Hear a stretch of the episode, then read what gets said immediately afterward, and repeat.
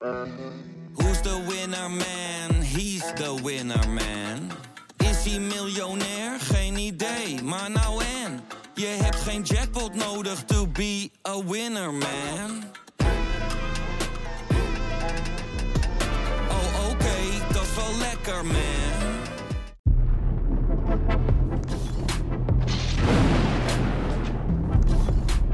Ja, mensen, welkom bij een nieuwe aflevering van ZSM op een eh, bijzondere locatie. Eh, ik ben hier met eh, Pieter Zwart. Gaan we gelijk vertellen waarom we zitten.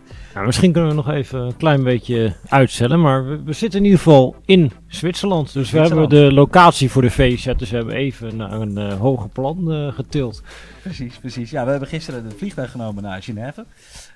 Dus dat uh, teasen we alvast. En, ehm, maar ja, we moesten natuurlijk ook nog Champions League kijken. Ja, was even timing. We, waren precies op tijd om de Champions League mee eh, te pakken. Dus eh, ja, en dan eh, zet je City eh, Bayern op en heb je gewoon een hele goede avond. Ik, wij hebben een lekker bordje eten besteld hier in het hotel. Met een, eh, met een laptop erbij. En eh, ja, dan heb ik de eer net genoeg om met Pieter Zwart Champions League te mogen kijken. En dan kijk je toch met andere ogen. Want ja, het was... Ook al ging het eigenlijk nergens om die 3-0, dan eh, City was waarschijnlijk wel door. Maar we hebben wel genoten. Ja, het is gewoon waanzinnig hoog niveau. Deze twee teams eh, tegenover elkaar. En qua ja, spelbeeld wat je hier eh terugziet. eh, ik denk dat dit, dit affiche dat het een van de betere wedstrijden gaat zijn in dit Champions League seizoen. Je hebt natuurlijk nu ook een fantastische halve finale tussen eh, City en Real Madrid. Dus dat is misschien net één niveautje hoger. Maar dit is wel een van de ja, topwedstrijden en top eh, en voetbal van het allerhoogste niveau. Met twee ploegen die echt ook willen voetballen. Dus dat, ja, daar eh, ga je voor zitten ook als die eerste wedstrijd 3-0 is geworden. Ja, ja Pep die had het iets anders neergezet ten opzichte van de vorige wedstrijd. Omdat Bayern ja, over twee wedstrijden misschien alleen iets te vertellen had in de beginfase van de eerste wedstrijd. Ja, hoe, hoe heeft hij dat opgepakt? Ja, dit was net op eh, detailniveau eh, wat, eh, wat anders. Maar het was natuurlijk wel weer zo dat Bayern, nou ja, qua kansen, dat ze, dat ze weer eigenlijk goed meededen. Alleen die ja, werden natuurlijk ook lang niet altijd afgemaakt door Bayern. Er zat ook relatief veel balbezit weer voor een ploeg tegen City. Want normaal gesproken ja, word je gewoon door City teruggedrukt. En nu koos City ervoor om in ieder geval ja, alles te proberen om te verhinderen dat eh, Joshua Kimmich eh, aan de bal kwam. Dus je zag eh Haaland daarmee bezig om te zorgen dat hij niet aan de bal kwam. Dan was De Bruyne ermee bezig. Als die het alle twee niet lukte, dan kwam Gundogan er ook nog bij. Omdat ze toch wel duidelijk hem geïdentificeerd hadden als dit is de man die alles vormgeeft bij Bayern. Ja, wat dan ongelooflijk is, eh, Joshua Kimmich, dan zie je dat ze eigenlijk met drie man bezig zijn om hem af te sluiten. En op een gegeven moment krijgt hij toch die bal aangespeeld en die komt meteen met een opening. Dat is niet te geloven. Ja, Dat je denkt, ja, dit- ja, dat is wel ongekend niveau. Dat je, dat je twee meter ruimte krijgt. Dat je meteen eh, op links eh Sané in een 1 tegen 1 eh, duel zet. Ja, die kwaliteit heeft hij. En dat maakt dit natuurlijk ook zo'n fantastische wedstrijd. Ik zag natuurlijk ook de andere kant om. eh Bayern is aan het aanvallen, raakt één keer de bal kwijt. De Bruine steekt eh Haaland weg. Je hebt ook een goal. Dus dat, Ja. dat, is, ja, dat, dat is dit voetbal. Dat als iemand een half centimeter ruimte krijgt dat, dat het al bijna een halve tegengoal is. Eh, dus daar was ja, een fantastische wedstrijd. ja, ja nee, zeker. eh, ehm, ja, je vroeg mij om, we hadden het in het vliegtuig erover, eh, om te letten op Musiala. Ah, want jij zei, ja, ik heb nog Ja, niet dat- gezien Musiala. Ja, daar wilde ik dan eigenlijk niet dat de rest van de wereld dat zou weten. Maar goed dat je me eventjes ja, zeg maar blootlegt. Nee, jij Musiala, maar dat was niet normaal. Zo'n jonge speler, op dat niveau acteren. Ja, Ja, in kleine ruimtes, techniek, overzicht. eh, ja, je hebt natuurlijk niet veel ruimte tegen City om tussen linies eh, vrij te komen. Dat je toch zo vaak daar aan de bal komt en een paar keer balletjes buitenkant rechts. Dat hij hem even met gevoel eh, meegeeft. Ja, het is een waanzinnige voetballer. En ja, als die nog een heel klein beetje leert om ja, dat waanzinnige talent wat, je, wat er gewoon vanaf spat, om dat te koppelen aan nog net iets meer eh, rendement, ja, dat, dan wordt het gewoon eh een van de beste voetballers eh, ter wereld. Het is gewoon een van de jongens van de nieuwe generatie, ja, waar je aan alles ziet dat het een gigantisch potentieel heeft. Dus ja, dat, dat is genieten als je dat in dit soort wedstrijden al laat zien. ja ik, ik, schaam me nog steeds dat ik het gezegd heb. Ja, en uh, ja, moeten we nog over Haaland hebben. Ik heb het idee dat dat een beetje een terugkerend thema is bij nou, onze video. En, uh, ja, wat ik wel fascinerend vond, is dat, het, wordt natuurlijk vaak gezegd, uh, de robot en de machine, maar die, de robot haperde natuurlijk een beetje. Want je hebt die penalty, die schoot hij uh, alle Jaap Stam ongeveer het stadion uit, wat normaal voor alle penalties raak schiet. Toen kreeg hij op een gegeven moment nog een kans, dat hij eigenlijk alleen voor sommigen stond en schiet hij hem recht in de handen toen komt dat derde moment dat je een kans krijgt. Dat, ja, dat, ik kan me voorstellen voor veel spitsen dat een soort van moment is dat je denkt, oh, ik heb rot 2 gemist. Oh, dan ga je, ja, weet je wel. En met, bij hem, er zat geen greintje twijfel, volledig overtuigd. Die blaast die bal gewoon dwars door het net heen. Ja, ja en ik denk dat dat ook, volgens mij heeft Ruud van Nistelrooy ook wel eens wat uh, over gezegd. Dat dat een beetje een topspits onderscheidt ook van een goede spits. Dat je gewoon, als je een kans hebt gemist, oké, is gedaan. Uh, Deurtje dicht en we focussen ons weer uh, op de volgende kans. En als je hier aan de tafel zit, uh, dat is het heel makkelijk is dat zeggen op die manier. Alleen als jij inderdaad in dat stadion staat en je hebt een penalty overgeschoten. Daarna mis je nog een keer één op één en je krijgt dan vlak daarna nog een kans. ja, dan zullen er ook genoeg spitsen zijn die denken, oh, het is mijn dag niet. en je begint te twijfelen en dan ja, ga je op een gegeven moment tegen jezelf voetballen. En dat was denk ik een beetje, zeg maar, als je het even breder trekt, uh, ja, de situatie waar je Bayern een beetje in zag zitten. Die hebben twee wedstrijden eigenlijk best oké gevoetbald tegen City. Best wel kansen bij elkaar gespeeld. Uh, ja, ook voetballend uh, meegekund met City qua balbezit. Alleen, ja, die, als die in de 16 kwamen, dan ja, werd dat eigenlijk nooit afgerond. Vaak altijd die laatste paas die dan niet aankomt. En dan komen ze er een keer en dan ligt Ruben Diaz ligt ervoor. en dat, dat, ja, dat, dat, dat was een beetje, dat was een beetje uh, Bayern. En voorheen hadden die natuurlijk uh, Lewandowski en dan Müller er vaak achter. Ja, twee van die spelers waarvan je wist, oh ja, die, die, uh, als die in de situatie komen, maken ze hem. En daarvoor natuurlijk ook nog die fase dat je ook nog Robben en Ribéry had, die ook vanuit de niets het kunnen beslissen. En dat, dat ja, ontbreekt nu een beetje met, ja, Koman, Sané, Musiala. Het is allemaal ja, leuk. En dan hebben ze nu Choupo-Moting als spits erbij. Maar Choupo-Moting is natuurlijk ook niet een Lewandowski. En dan kun je Choupo-Moting ook niet kwalijk nemen. Maar ja, daardoor er komt best goed voetbal van achteruit. Alleen dat wordt niet afgerond. En het is wel grappig dat het. Eh, het, het is ook een beetje wat het uh, Duitse nationale elftal natuurlijk uh, de laatste uh, eindtoernooi heeft. Waar je hetzelfde ziet dat ze van achteruit best goed voetballen. Veel balbezit hebben, veel kansen komen. Die worden vervolgens ja, niet, ja, niet echt afgemaakt. Het is eigenlijk ja, wat, wat je vroeger atypisch Duits noemen. Dus normaal gesproken Duits associëren, Duits voetbal associëren met slecht spelen, doelpuntje maken en toch winnen. En nu is uh, Duits voetbal lijkt geworden goed spelen en dan al je kansen missen en dan uh, naar huis en dan zeggen ja, we hebben wel heel goed gespeeld. Ja, ja, ik heb ook het idee dat het echt een spits met intellect moet zijn in, in zo'n in, in zo'n elftal, zeg maar. Over intellect gesproken, nou ja, volgens mij is geen publiek geheim dat jij een enorm fan bent van Pep. aan de andere kant van Tuchel. Hoe, heb jij, ja, hoe verhouden die twee zich tot elkaar? Want het zijn bijna grote tacticus uh, ja. meesterbreinen. Ja, ik denk dat die, uh, dat die ja, heel erg aan elkaar uh, gewaagd zijn.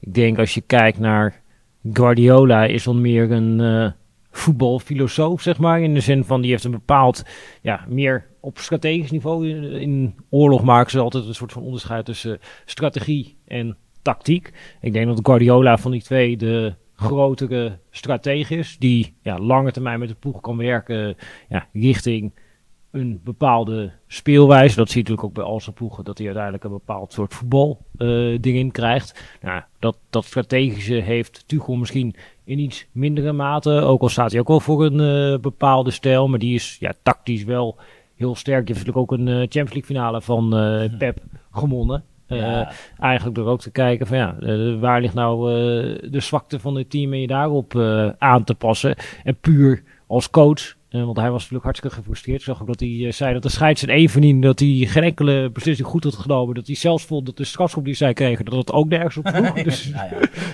Ja, nou, dat, ja, nou ja, goed, hij was in ieder geval wel consequent. Dat hij zelf ook vond dat, uh, dat hij een onterechte strafschop uh, kreeg. Net als dat het een onterechte strafschop tegen was uh, in zijn ogen. waren natuurlijk ook twee vergelijkbare situaties met die ja, hensbal, hensregel. Ja, daar kun je eeuwig volgens mij over uh, soebatten. Maar ja, uiteindelijk, ja, ze hebben wel qua spel het City heel moeilijk gemaakt. Alleen ja, City had Haaland en de Bayern had geen eh, Haaland en ook geen Lewandowski. En dat is denk ik uiteindelijk over die twee wedstrijden het grote verschil. Ja, nou, ongelooflijk. Ehm, ja, is- City nog te stoppen? Hè? Dat is eigenlijk een beetje de vraag, want ze zijn in een geweldige vorm. Uh, Ja. Mensen hoopten natuurlijk voor Bayern. Ja, Napoli zit er niet meer in. Dat, is natuurlijk ook, dat was een machine. Eh, daar komen we zo op. Eh, maar ehm, ja, wie, wie moet City nou nog stoppen? Ja, Real Madrid. Ja, toch wel? Denk je dat die hebben die de wapens in ieder geval? En waar ligt de zwakte dan bij City om? Nou ja, Real Madrid, Real Madrid. Real Madrid heeft die wapens natuurlijk. En Real Madrid heeft vorig jaar ook gedaan. Eh, en ja, die kunnen niet qua positiespel mee met Manchester City. Dat gaan ze ook helemaal niet proberen. Maar die hebben natuurlijk wel de spelers met Vinicius, met Rodrigo, met een Benzema die op een gegeven moment eh, gaat zwerven. En ik denk dat wat Real Madrid zo lastig maakt voor Pep Guardiola is dat ja, tot op zekere hoogte is er geen systeem, zeg maar. Of eigenlijk de spelers zijn het systeem. Eh, en ja, die gaan dingen doen ja, die hij niet kan uittekenen. Tuchel, zeg maar, als Pep daar tegen speelt. Ja, dan weet hij, ja, tegen zijn tactiek. En die spelers voegen zich naar die tactiek. En die kan het tot achter de komma analyseren. En dan kan hij een tegenplan gaan verzinnen. Ja. Alleen bij Real Madrid, ja, die spelers, dat is bijna een soort van, ja, die gaan op het veld staan. De eerste kwartier, ja, dan zie je ze ook een beetje, nou, een beetje struinen over het veld. Dan zie je Kroos, eens even kijken, wat gebeurt als ze hem links laat uitzakken. Wat gebeurt als ik een beetje naar rechts uitwijk. En Modric, en die gaan allemaal een beetje spelen met ruimtes. En dan op een gegeven moment, gedurende de wedstrijd, valt het eigenlijk altijd een beetje in elkaar eh, voor eh, Real Madrid. En daar is, omdat die spelers op het veld het eigenlijk oplossen, is dat voor een trainer als Guardiola veel moeilijker om daar eh, grip op te krijgen dan ja, een ploeg waarvan je weet, oké, je hebt die trainer, spelen die tactiek en dan ziet het er altijd op die manier uit. Ja, een Benzema die laat zich niet vangen eigenlijk in een tactisch plaatje. Kroos ook niet en Modric ook niet. Ja, en die hebben die spits. Die hebben die spits met intellect. Die, eh, ja, ja, en die snelheid eh, aan de zijkanten die daar ook nog kunnen koppelen aan rendement met eh, Rodrigo en Vinicius. Dus ja, dit, dit, dit is wel precies het an- anti-gif voor Guardiola. Dus dat wordt een heel pittig tweeluik. Het enige wat zeg maar, als je het afzet ten opzichte van voorgaande jaren in de Champions League, wat je nu ook tegen Bayern gezien hebt. City ging er eigenlijk altijd uit, zeg maar, in momenten dat ze gedurende de wedstrijd even de controle verloren. eh, omdat ze niet de ploeg hadden, die was niet gebouwd om dat te doen. Hadden ze toen ook nog vaak wat kleinere spelers. eh, waren niet gewend om diep op eigen helft te verdedigen. En als je nu kijkt, ze spelen eigenlijk gewoon natuurlijk achterin met vier centrale verdedigers. eh, en met De Bruyne en Haaland hebben ze een fantastisch counterwapen.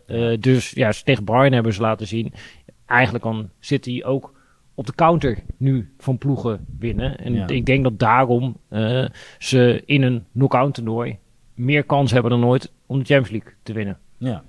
Ehm, wie we niet hebben gezien, het zijn de Nederlanders. Freek Jansen heeft, eh, geloof ik, eh, iemand gesproken. Ja, hij heeft, eh hij heeft eh, Moscowie, Gravenberg en eh, Matthijs de Ligt Oh, nou, eh, kijk. daar allemaal eh, te pakken gehad. Dus dat lees je binnenkort eh, in de VI en op eh VI Pro. Maar die zitten inderdaad in een ja, moeilijk pakket daar eh, in München. Ja, nou ja, vooral eh Masraoui die echt verbaasd is over zijn reserverol. Kun je daar iets bij voorstellen? Ja, daar kan ik me wel eens bij voorstellen. Tenminste, hij ging natuurlijk op een gegeven moment naar het eh, WK. En in die periode had hij zich echt onder Nagelsman eh erin geknokt. Eh, nou ja, daar raakt hij geblesseerd. Je komt met een blessure terug. Je bent net dat je weer bijna fit aan het worden wordt. Je zit je in die fase, dan wordt de trainer ontslagen, dan komt een nieuwe trainer. En je moet achter in de rij aansluiten. Ondertussen is bijvoorbeeld Cancelo natuurlijk ook nog erbij gehaald. Die staan dus iets. Je heeft op een gegeven moment eh, Mbappé uit de wedstrijd gespeeld eh, in de afwezigheid eh, van Moscow. Dus het valt ook vooruit. En ze hebben natuurlijk ook nog Pavard. Dus als trainer kun je nog best wel begrijpen van, nou ja, die verdienen eigenlijk ook, ook een kans. Maar je hebt in één keer vier rechtsbacks.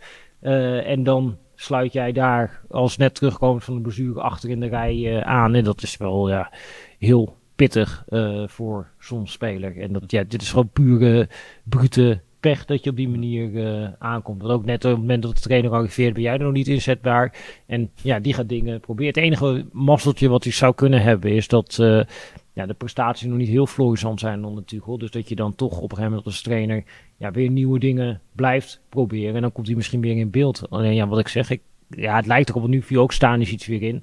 Eh Cancelo staat boven hem. Dat hij eigenlijk de vierde man is in de pickorde op ja, rechtsback. Ja, ja, die conclusie had hij zelf ook getrokken. ja, dat is niet best natuurlijk. Nee. Nou, laten we hopen voor een, een mazzeltje voor Masraoui, zoals jij het zegt.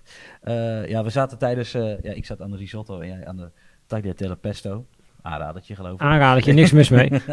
en een klein biertje, dat zeggen we gewoon eerlijk erbij. Ehm zaten we ook nog te filosoferen over een eventuele positie van Daily Blind op dit podium. Maar ja, we kwamen er niet uit. Hè? Ik denk niet dat hij aan veel speeltijd toe zal eh, komen. Nee, die heeft eigenlijk ook ja, eh, tot op zekere hoogte een beetje dezelfde pech als eh Mascoui is natuurlijk ook gehaald door Nagelsman. Nou, toen kwam op een gegeven moment natuurlijk Cancelo op de markt. Nou, de Cancelo speelde nu linksback, wat natuurlijk de laatste jaren de positie was van Daley Blind. Eh, die, en dan komt Alfonso Davies erin. Ja, die staat er ook boven. Ja, Ja, en dan, en dan sta jij daar eh, achter als eh Daily Blind. Links centraal achterin doet eh, Matthijs Lichter natuurlijk eh, hartstikke goed. Eh, dus die ga je er ook niet zo heel snel eh, uithalen. Eh, ja, en op het middenveld is er misschien ook niet zo snel ruimte voor eh, Blind. Ja, dus je het ook overal dat die eh, ja, derde keuze is. Eh, en ja, dan kom je, er, eh, kom je er gewoon niet zo snel in. En ja, ik, het kan nog een extra gewoon nadeel voor hem zijn dat nu ze bijna overal uitliggen, dat dan Tuchel ook wel een beetje gaat kijken richting ja, volgend seizoen. Mm. Eh, en daar, dan is hij er misschien überhaupt niet meer. Dus dat, dat die veel minuten gaan maken, dat zie ik niet voor me hoe dat moet gaan gebeuren. nee, precies. Nou, voor Gravenberg waarschijnlijk hetzelfde. Tenminste, dat hebben we ook gezien. Al heeft hij daar wel, de, daar zegt Tuchel wel iedere keer van dat hij daar eh, plannen en eh, ambities mee heeft. En dat koppelt je voor de defensie met Goretzka, Kimmich, waar we net ook hadden over Duits nationale elftal. Ja. Dit is niet echt een, ja, dat lijkt een complementair koppel, maar dat is het niet echt in topwedstrijden. Omdat Goretzka is toch wel ja, heel veel weg Ja. en heel veel aan het lopen. En dan staat Kimmich er wel heel erg eh, alleen voor. En als dan zeg maar aan de linkerkant, als je daar nog een type Alfonso Davies hebt, eh, die natuurlijk ook graag langs de lijn eh, loopt, de, ja, dan kun je daar wel heel erg ja, gepakt worden op de counter. Dus ik kan me wel voorstellen dat hij misschien nog een keertje ja, dit koppeltje wil gaan proberen. Ook omdat misschien Gravenberg aan de bal ook weer net wat meer brengt dan Goretzka. Wat meer een eh, loper is of een uh, draufkerk, zoals eh, Erik de Dag het eh, zou. Ja. Eh, dus ik kan me best voorstellen dat Gravenberg dit seizoen nog wel... Ik denk dat van die Nederlanders dat Gravenberg op dit moment de beste papieren heeft. Los van Matthijs de Ligt die natuurlijk al speelt. Duidelijk. Ehm, vanavond is er ook een mooie wedstrijd te zien. Ehm, belangrijk voor Nederlands voetbal. Belangrijk voor ook beide trainers, Mourinho en Slot. Ja, dat, dat zijn ook weer twee bijzondere trainers die dan weer heel veel van elkaar verschillen. Ja, hoe ga jij naar die wedstrijd kijken? Want we kunnen het denk ik net redden. Ja, ik denk ook eh, dat we dat eh, vandaag, dat het als de timing allemaal net een beetje mee zit, dat we dat eh, precies kunnen gaan redden. Dus dat zou mooi zijn. Ja, gewoon met veel interesse. Ik vond die eerste wedstrijd was wel heel interessant. Dat je ziet eh, nou, hoe Feyenoord probeert om weer een antwoord te vinden op die speelwijze eh, van Roma. Nou, dat zal misschien eh Mourinho ook wel weer denken. eh, bijvoorbeeld met het afstoppen van Kukcu, die toch voor elkaar krijgt tegen een team wat eigenlijk geen ruimte geeft. Om toch wat ruimte te vinden. Nou, daar gaat dan misschien Mourinho weer wat op verzinnen. Ja, dus dat soort dingen, dat, dat is interessant. En die posities aan de zijkant, hoe Slot dat gaat invullen, dat, dat vind ik ook wel een intrigerende. Dan gaan we dan, verwacht jij een aanvallend, aanvallende Roma te zien? Want ze moeten natuurlijk komen. Of gaan ze gewoon nog steeds in hun eigen... eh, zichzelf weer ingraven op die counter... Zoeken naar de Ja. openingstreffen? Ja, en dit, voor mij heeft Slot ook al over gezegd dat eh, in Nederland heel erg het beeld is dat het alleen maar counteren is. Dat is voor mijn gevoel niet echt zo. Dus wat je, wat je wel ziet is Ja, dat zij... pressing hebben ze natuurlijk gebruikt ook. Ja, zeker met die backs die helemaal doorgaan op de backs eh, van eh Feyenoord. En dan sta je eigenlijk sta je natuurlijk als Roma op dat moment één op één over het hele veld. Eh, alleen dat staat wel zo goed georganiseerd. En als eh ja, Feyenoord onderuit komt, dan lopen ze met z'n allen terug. En dan sta je uiteindelijk eh, met elf man eh, op eigen helft. Maar ze proberen wel eh, druk te zetten. En als ze ruimte krijgen, gaan ze ook proberen op te bouwen. En eigenlijk uit counter zelf scoren ze niet zo heel erg vaak. Dus dit het is niet echt een counterteam. Ja, ze zullen proberen, zeker met het eigen stadion erachter, om die opbouw van Feyenoord wel onder druk te krijgen in de zones waar zij daar druk op willen eh, krijgen. Dus dat, dat zullen ze zeker wel eh, proberen, maar qua eh, stijl en type voetbal, ja, ze zullen niet in één keer tiki-taka gaan spelen over eh 26 eh, schijven. Het is toch wat ja, directer en sneller en wat meer gebaseerd op de individuele kwaliteiten van de spelers. Dus dat zal denk ik ja, in deze wedstrijd ook zo zijn. En ze zullen misschien nog, het enige wat je misschien kan verschillen is dat ze nog meer het opportunisme gaan zoeken vanaf de zijkanten. Dat je die ballen misschien net wat sneller gaat inbrengen richting de 16. eh. en ze hebben daar natuurlijk met eh Abraham ook eh Belotti, die dan vaak vanaf de bank nog kan komen. Heb je wel twee beren van spitsen die daarop kunnen reageren. Als je dan Wijnaldum hebt van het middenveld die kan aansluiten. En Christant is ook een fantastische kopper vanuit het middenveld. Ja, daar komt er heel veel fysieke kracht, heel veel duelkracht die 16 in. Dus dat iets opportunistischer in aanvallend opzicht, dat verwacht ik wel van Roma. Oké. Ja, en het is voor denk ik voor slot ook een mooi moment om te laten zien. Ik heb het in de eigen kuip laten zien, maar in een uitverkocht, uh, uitverkocht staan. Want uh, de fans van Roma zijn gek op die wedstrijd. Ik begreep in ieder geval van uh, Matthijs Vechter en Matthijs Krabbedam, die daar aanwezig zijn. Die hebben ook een mooie voorbeschouwing al op, op VI Pro gezet. Dus dat kunnen we ook allemaal bekijken. Um, ja, het is voor slot natuurlijk een mooi moment om te laten zien hoe hij tactisch zeg maar, gaat aanpassen op, ja, ik denk toch een beetje een onvoorspelbare Mourinho in deze wedstrijd. Want normaal kun je het een beetje uittekenen. Ja, je kunt natuurlijk nog steeds wel redelijk uittekenen. Uh, Alleen ja, het, uh, tussen het uittekenen en de daadwerkelijk op het veld oplossing vinden, daar kan soms uh, nog net even wat verschil tussen zitten.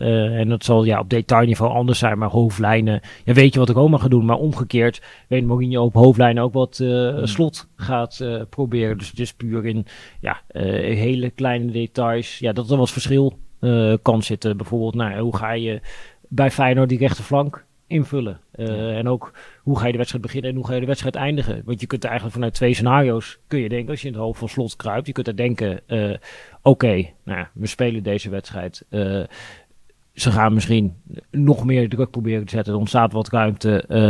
we moeten beginnen met een vleugelaanvaller op rechts. Pachao, die ja, een dribbel heeft en die Spinazzola kan terugdringen.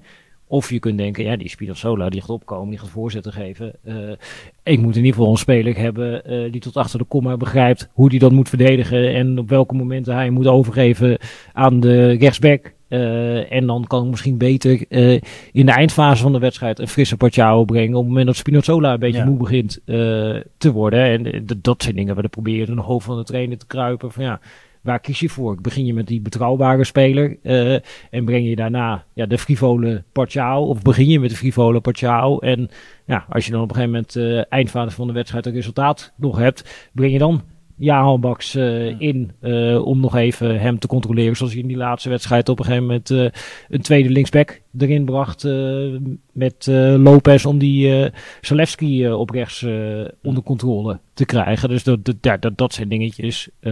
daar ben je wel benieuwd naar hoe hij dat gaat aanpakken. En mijn, mijn gevoel zegt dat hij dan toch ervoor kiest om te beginnen met Jahan Baks. en dan Pachao te brengen op het moment dat er uh, ruimte komt. Maar dat, dat, is, uh, dat is denk ik uh, het grote vraagteken in de opstelling van Feyenoord. Oké, en doe jij verder ook gewoon aan voorspellen voor uitsla uitslagen?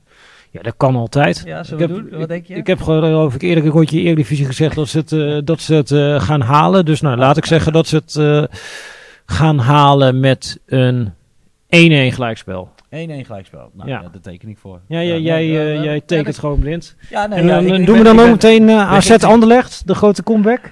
Ja, ja, nee, dat kunnen we ook uh, zeker bespreken. Ja, want ik, we zijn de Italiaanse hegemonie zijn we ook zijn we al voorbij gegaan. Want ja. we hebben natuurlijk ook nog die andere twee, AC Milan en Inter Milan in de halve finale staan. Ah, dat is ook wel fantastisch. Ja, eigenlijk wel. Ja, dit het voelt een beetje als een affiche uit uh, 2007, 2008, zeg maar. De tijd uh, ja, van die glorieuze teams. Ik zag alweer dat die uh, legendarische foto van Materazzi en ah. Rui Costa, die dan in San Siro ah. staan. En Rui Costa met zijn hoofd op uh, de schouder uh, van die uh, enorme boef. Ja, dat, dat, is een soort van iconisch beeld. dat heb ik meteen ook weer in mijn hoofd nu dat affiche ja, op het programma staat. Ja, dat is denk ik fantastisch. Zo'n derby in de halve finale van de Champions League. en dat een van die twee traditieclubs weer een keer een Champions League finale gaat halen. Ja, dat vind ik, uh, ja, dat vind ik fantastisch. Dat, dat is toch leuk dat het, dat het gebeurt en dat het ja. uh, kan. En dat laat ook wel zien, zeg maar, uh, dat is natuurlijk ook bij Guardiola altijd, ja, heeft zo lang de, de hoe groot de impact van loting is. Want deze ja. teams zijn natuurlijk in de kwartfinale op een gegeven moment aan de goede kant van een schema uh, terechtgekomen. En dan kun je in één keer kun je zo hup, richting een uh, finale uh, gaan. Dus ja, je moet ook in de Champions League, dat, dat klinkt misschien een beetje, maar je moet ook wel echt flinke mazzel soms hebben. En dan kun je in één keer in de finale staan. En als je in de finale staat, kun je hem ook winnen. Ja, ja nee, dat, dat is zeker waar. Dat zijn geen spel tussen te krijgen. Maar um, de... Als je dan moet kijken naar, wat AC Milan draait Mamma in de, in de Serie A. Inter ah, hebben er nu wel op de kit. Ja, ja. en met zo'n Leao, dat is ongelooflijk. Dat, uh, Ik hoorde ergens dat, dat Chelsea dan 100 miljoen betaalt voor Moedrik. Maar die Leao, die, die laat het ook wekelijks zien. Die is zo snel. En die dribbel, die was fantastisch. Dat is eigenlijk ook een beetje een on- ondergewaardeerde speler misschien. Ja, zeker. Ja, die heeft ze vorig jaar denk ik ook al een uh, grotendeels kampioen gemaakt. Ja, ja. Nou ja, in ieder geval, dat we laten de Italiaanse clubs eh, even achter ons. Want inderdaad, eh, AZ Alkmaar speelt tegen Anderlecht. Nou, ik was er vorige week eh, in Anderlecht, in het stadion. Geweldige sfeer, moet ik zeggen. Dat was echt, eh, was echt fantastisch, dat eh, kolkende stadion. En AZ dat enorm tegen, tegenviel, kan ik wel vertellen. Ja, denk je dat Pascal Jans het kan omdraaien? Want 2-0 tegen Anderlecht, wat ja, soms wel draait, soms niet. Van het weekend weer 5-2 verloren, geloof ik. Ja. Ja, in de competitie loopt het totaal niet. Die lopen zelfs kans om de play-offs mis te lopen. Eh, dus ja, dit is een elftal wat tot op zeker hoog aangeschoten wild is. Dus als jij thuis op voorsprong komt, dan ja, kan dit eh, gewoon tegen Anderlecht alleen een 2-0 achterstand goed maken. Ja, is natuurlijk niet makkelijk. Het is helemaal niet makkelijk met eh, Bart Verbrugge op doel die Ja. alles eruit houdt normaal gesproken. Dus ja, het lijkt me een hele moeilijke opdracht. Is niet onmogelijk, maar ja, ik heb niet het gevoel dat AZ in de fase zit eh, dat dit dan in één keer ja, gaat lukken en dat nu in één keer eh, alles goed gaat vallen. Dus ik, ja, ik vrees een beetje dat, eh, dat die Europa uit gaan vliegen vanavond.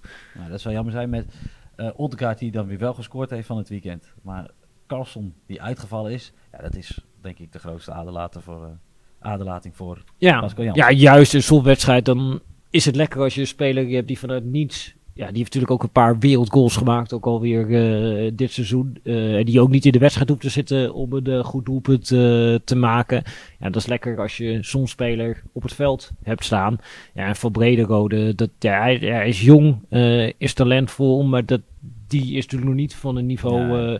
Carlson, Pavlidis is de laatste week ook wat lastig eh, met eh, scoren. Mijnans ook een klein terugvalletje. Dus die had eigenlijk voorin eh, hebben al die spelers niet helemaal hun moment. Ja, Kerkers als linksback naar die actie tegen Fortuna, die, die, die zal met vertrouwen arriveren. Maar je hebt voorin denk ik ja, misschien net te weinig spelers die echt in vorm zijn. En tegelijkertijd in veel van die wedstrijden ja, komen ze wel in de posities, krijgen ze de kansen. en dan, ja, het kan ook in één keer wel goed vallen eh, tegen Anderlecht. Maar het lijkt me een heel, eh, heel pittig karwei. Ja, het zit er ook niet in, dat voel je ook in dat elftal. Als je ze ziet spelen, dat merk je ook in die wedstrijd. Dat je denkt, nou, ze moet heel, het kost heel veel moeite om in ieder geval een doelpunt te maken. Ja, en dan die momenten dat Anderlecht eh de ronde eruit komt. Ze spelen een beetje met van die rotaties aan de zijkanten. En dan zie je dat er afspraken over zijn. En dan, nee, dan komen ze er op moment net uit. En dan is ook het verschil, denk ik, tussen eh, een topteam en een team wat er net onder zit. Zoals AZ, dat bij een topteam kunnen dan die spelers... Weet je wel, zoals eh, Diaz het ook deed bij City. Ja, die kan zich nog in één keer ergens voorgooien. Ik kan me ook nog een moment herinneren van gisteravond. Dat was ook Diaz. Die lag al op de grond. Nadat hij een sliding had gedaan. En dan zit hij toch nog met zijn beekje ertussen. En, eh, dat zijn typisch van die acties ja, die je de eh AZ-verdedigers of controlerende middenvelders niet zozeer eh, ziet maken. Of bijvoorbeeld, wat we gisteravond ook drie keer gezien hebben, Gundogan in een moment dat eigenlijk Bayern AZ, dat hele stadion gaat erachter staan. Ze hebben net een goede kans gekregen om dan even zo'n hele kleine overtreding uit te lokken. Even een opstootje en dan is het hele momentum zeg maar weer ja, verdwenen. En dat, dat soort spelers, wat echt net, net die finesse eh, is eh, om het ritme in de wedstrijd eh, te breken of juist dat ritme terug te brengen. Ja, de, dat ontbreekt bij AZ op dit moment vooral. En dat, dat is denk ik de reden dat ze vaak ja, in dit soort wedstrijden er net naast grijpen. Dus dat, dat, nou ja, dat moeten ze laten zien nu tegen Anderlecht, dat ze het wel kunnen. Zoals natuurlijk dit seizoen wel een paar keer in toppers tegen eh, Ajax hebben ze natuurlijk gewonnen. Ze hebben natuurlijk eh, gewonnen van PSV. Dus hebben wel een paar keer resultaten gehaald eh, in toppers. En dan moeten ze nu laten zien ja, tegen Anderlecht. Want dit is wel ja, de kans om nog iets van het seizoen te maken voor eh, AZ. AZ. En we blijven bij AZ, want het is denk ik tijd voor de ontboezeming voor eh, alle mensen die eh, ons nog zo lang hebben gevolgd. Ja. Eh, de hulde. Eh, want Die denken, waarom- zitten ze nou in het stadion van uh, Servette FC over de Champions League te praten? En dat is hem inderdaad, want wij zijn hier voor een prachtige ja, treffen tussen ja, AZ, de jeugdafdeling van AZ. Nou, vertel jij het maar. Ja, we hebben natuurlijk gehad over twee teams die een halve finale kunnen halen. Feyenoord eh, en AZ. Eh, en er is nog een Europees eh, toernooi naast de Conference League, de Europa League eh, en de Champions League. En dat is eigenlijk de Jeugd Champions League, noemen ze de Youth League. Eh, daarin heeft eh AZ onder 18 met nou ja, klinkende resultaten tegen Eintracht Frankfurt, Barcelona, Real Madrid de halve finale gehaald. Ja, daarin gaan ze spelen tegen Sporting. Morgen in het stadion. Dus als het morgen 1 uur is. Maar op dit veld eh, speelt eh, AZ onder 18 tegen Sporting onder 18. Sporting onder 18 dat Ajax onder 18 met 5-1 heeft weggevaagd. Ja, ja, ja, Eh. Dus dat- is, dat zijn geen koekelbakkers eh, bij, bij Sporting in de jeugd. Ja, en de AZ kan dus laten zien tegen dat Sporting dat, dat zij ja, qua jeugdopleiding op het allerhoogste niveau zitten. En wat denk ik ook wel geinig is, is dat ja, twee spelers die wellicht vanavond in actie gaan komen bij het eerste van AZ, Wouter Goes en Max Meerdink. En dat de intentie is om die eh, in te vliegen. ja, ja. Dus eh, wij denken dat wij het eh, lastig hebben met kunnen we dat wedstrijdje kijken Ja. en dan toch op tijd zijn voor onze verplichtingen hier. Maar die ja, moeten helemaal zich haasten. Die moeten ongeveer direct denk ik naar Schiphol om in te vliegen om dan hier ook nog te kunnen spelen. Ja, dat laat ik ook wel zien hoe serieus AZ dit neemt. Het is natuurlijk een opleidingsclub en dit is wel de plek om jezelf als opleidingsclub eh, op de kaart te gaan zetten. Dus eh, ja, waanzinnig interessant. eh, en ik ben ja, heel benieuwd wat we hier gaan meemaken. Ja, we hebben natuurlijk die wedstrijd ook gekeken in Weidewormen. Ja. Met een zonnetje en niet zoveel wind. Dat is ook wel eens leuk daar. Ehm, tegen Real Madrid. Ja, wat voor indruk kreeg jij toen van, van, van, het, van het jeugdteam? Nou, ik kreeg ja, vooral de indruk van ja, een team bij AZ werkt een beetje in die opleiding met verschillende ja, leerlijnen afhankelijk eh, van leeftijdscategorie. Eh, dus het is eh, hoe te leren, hoe te spelen, hoe te winnen.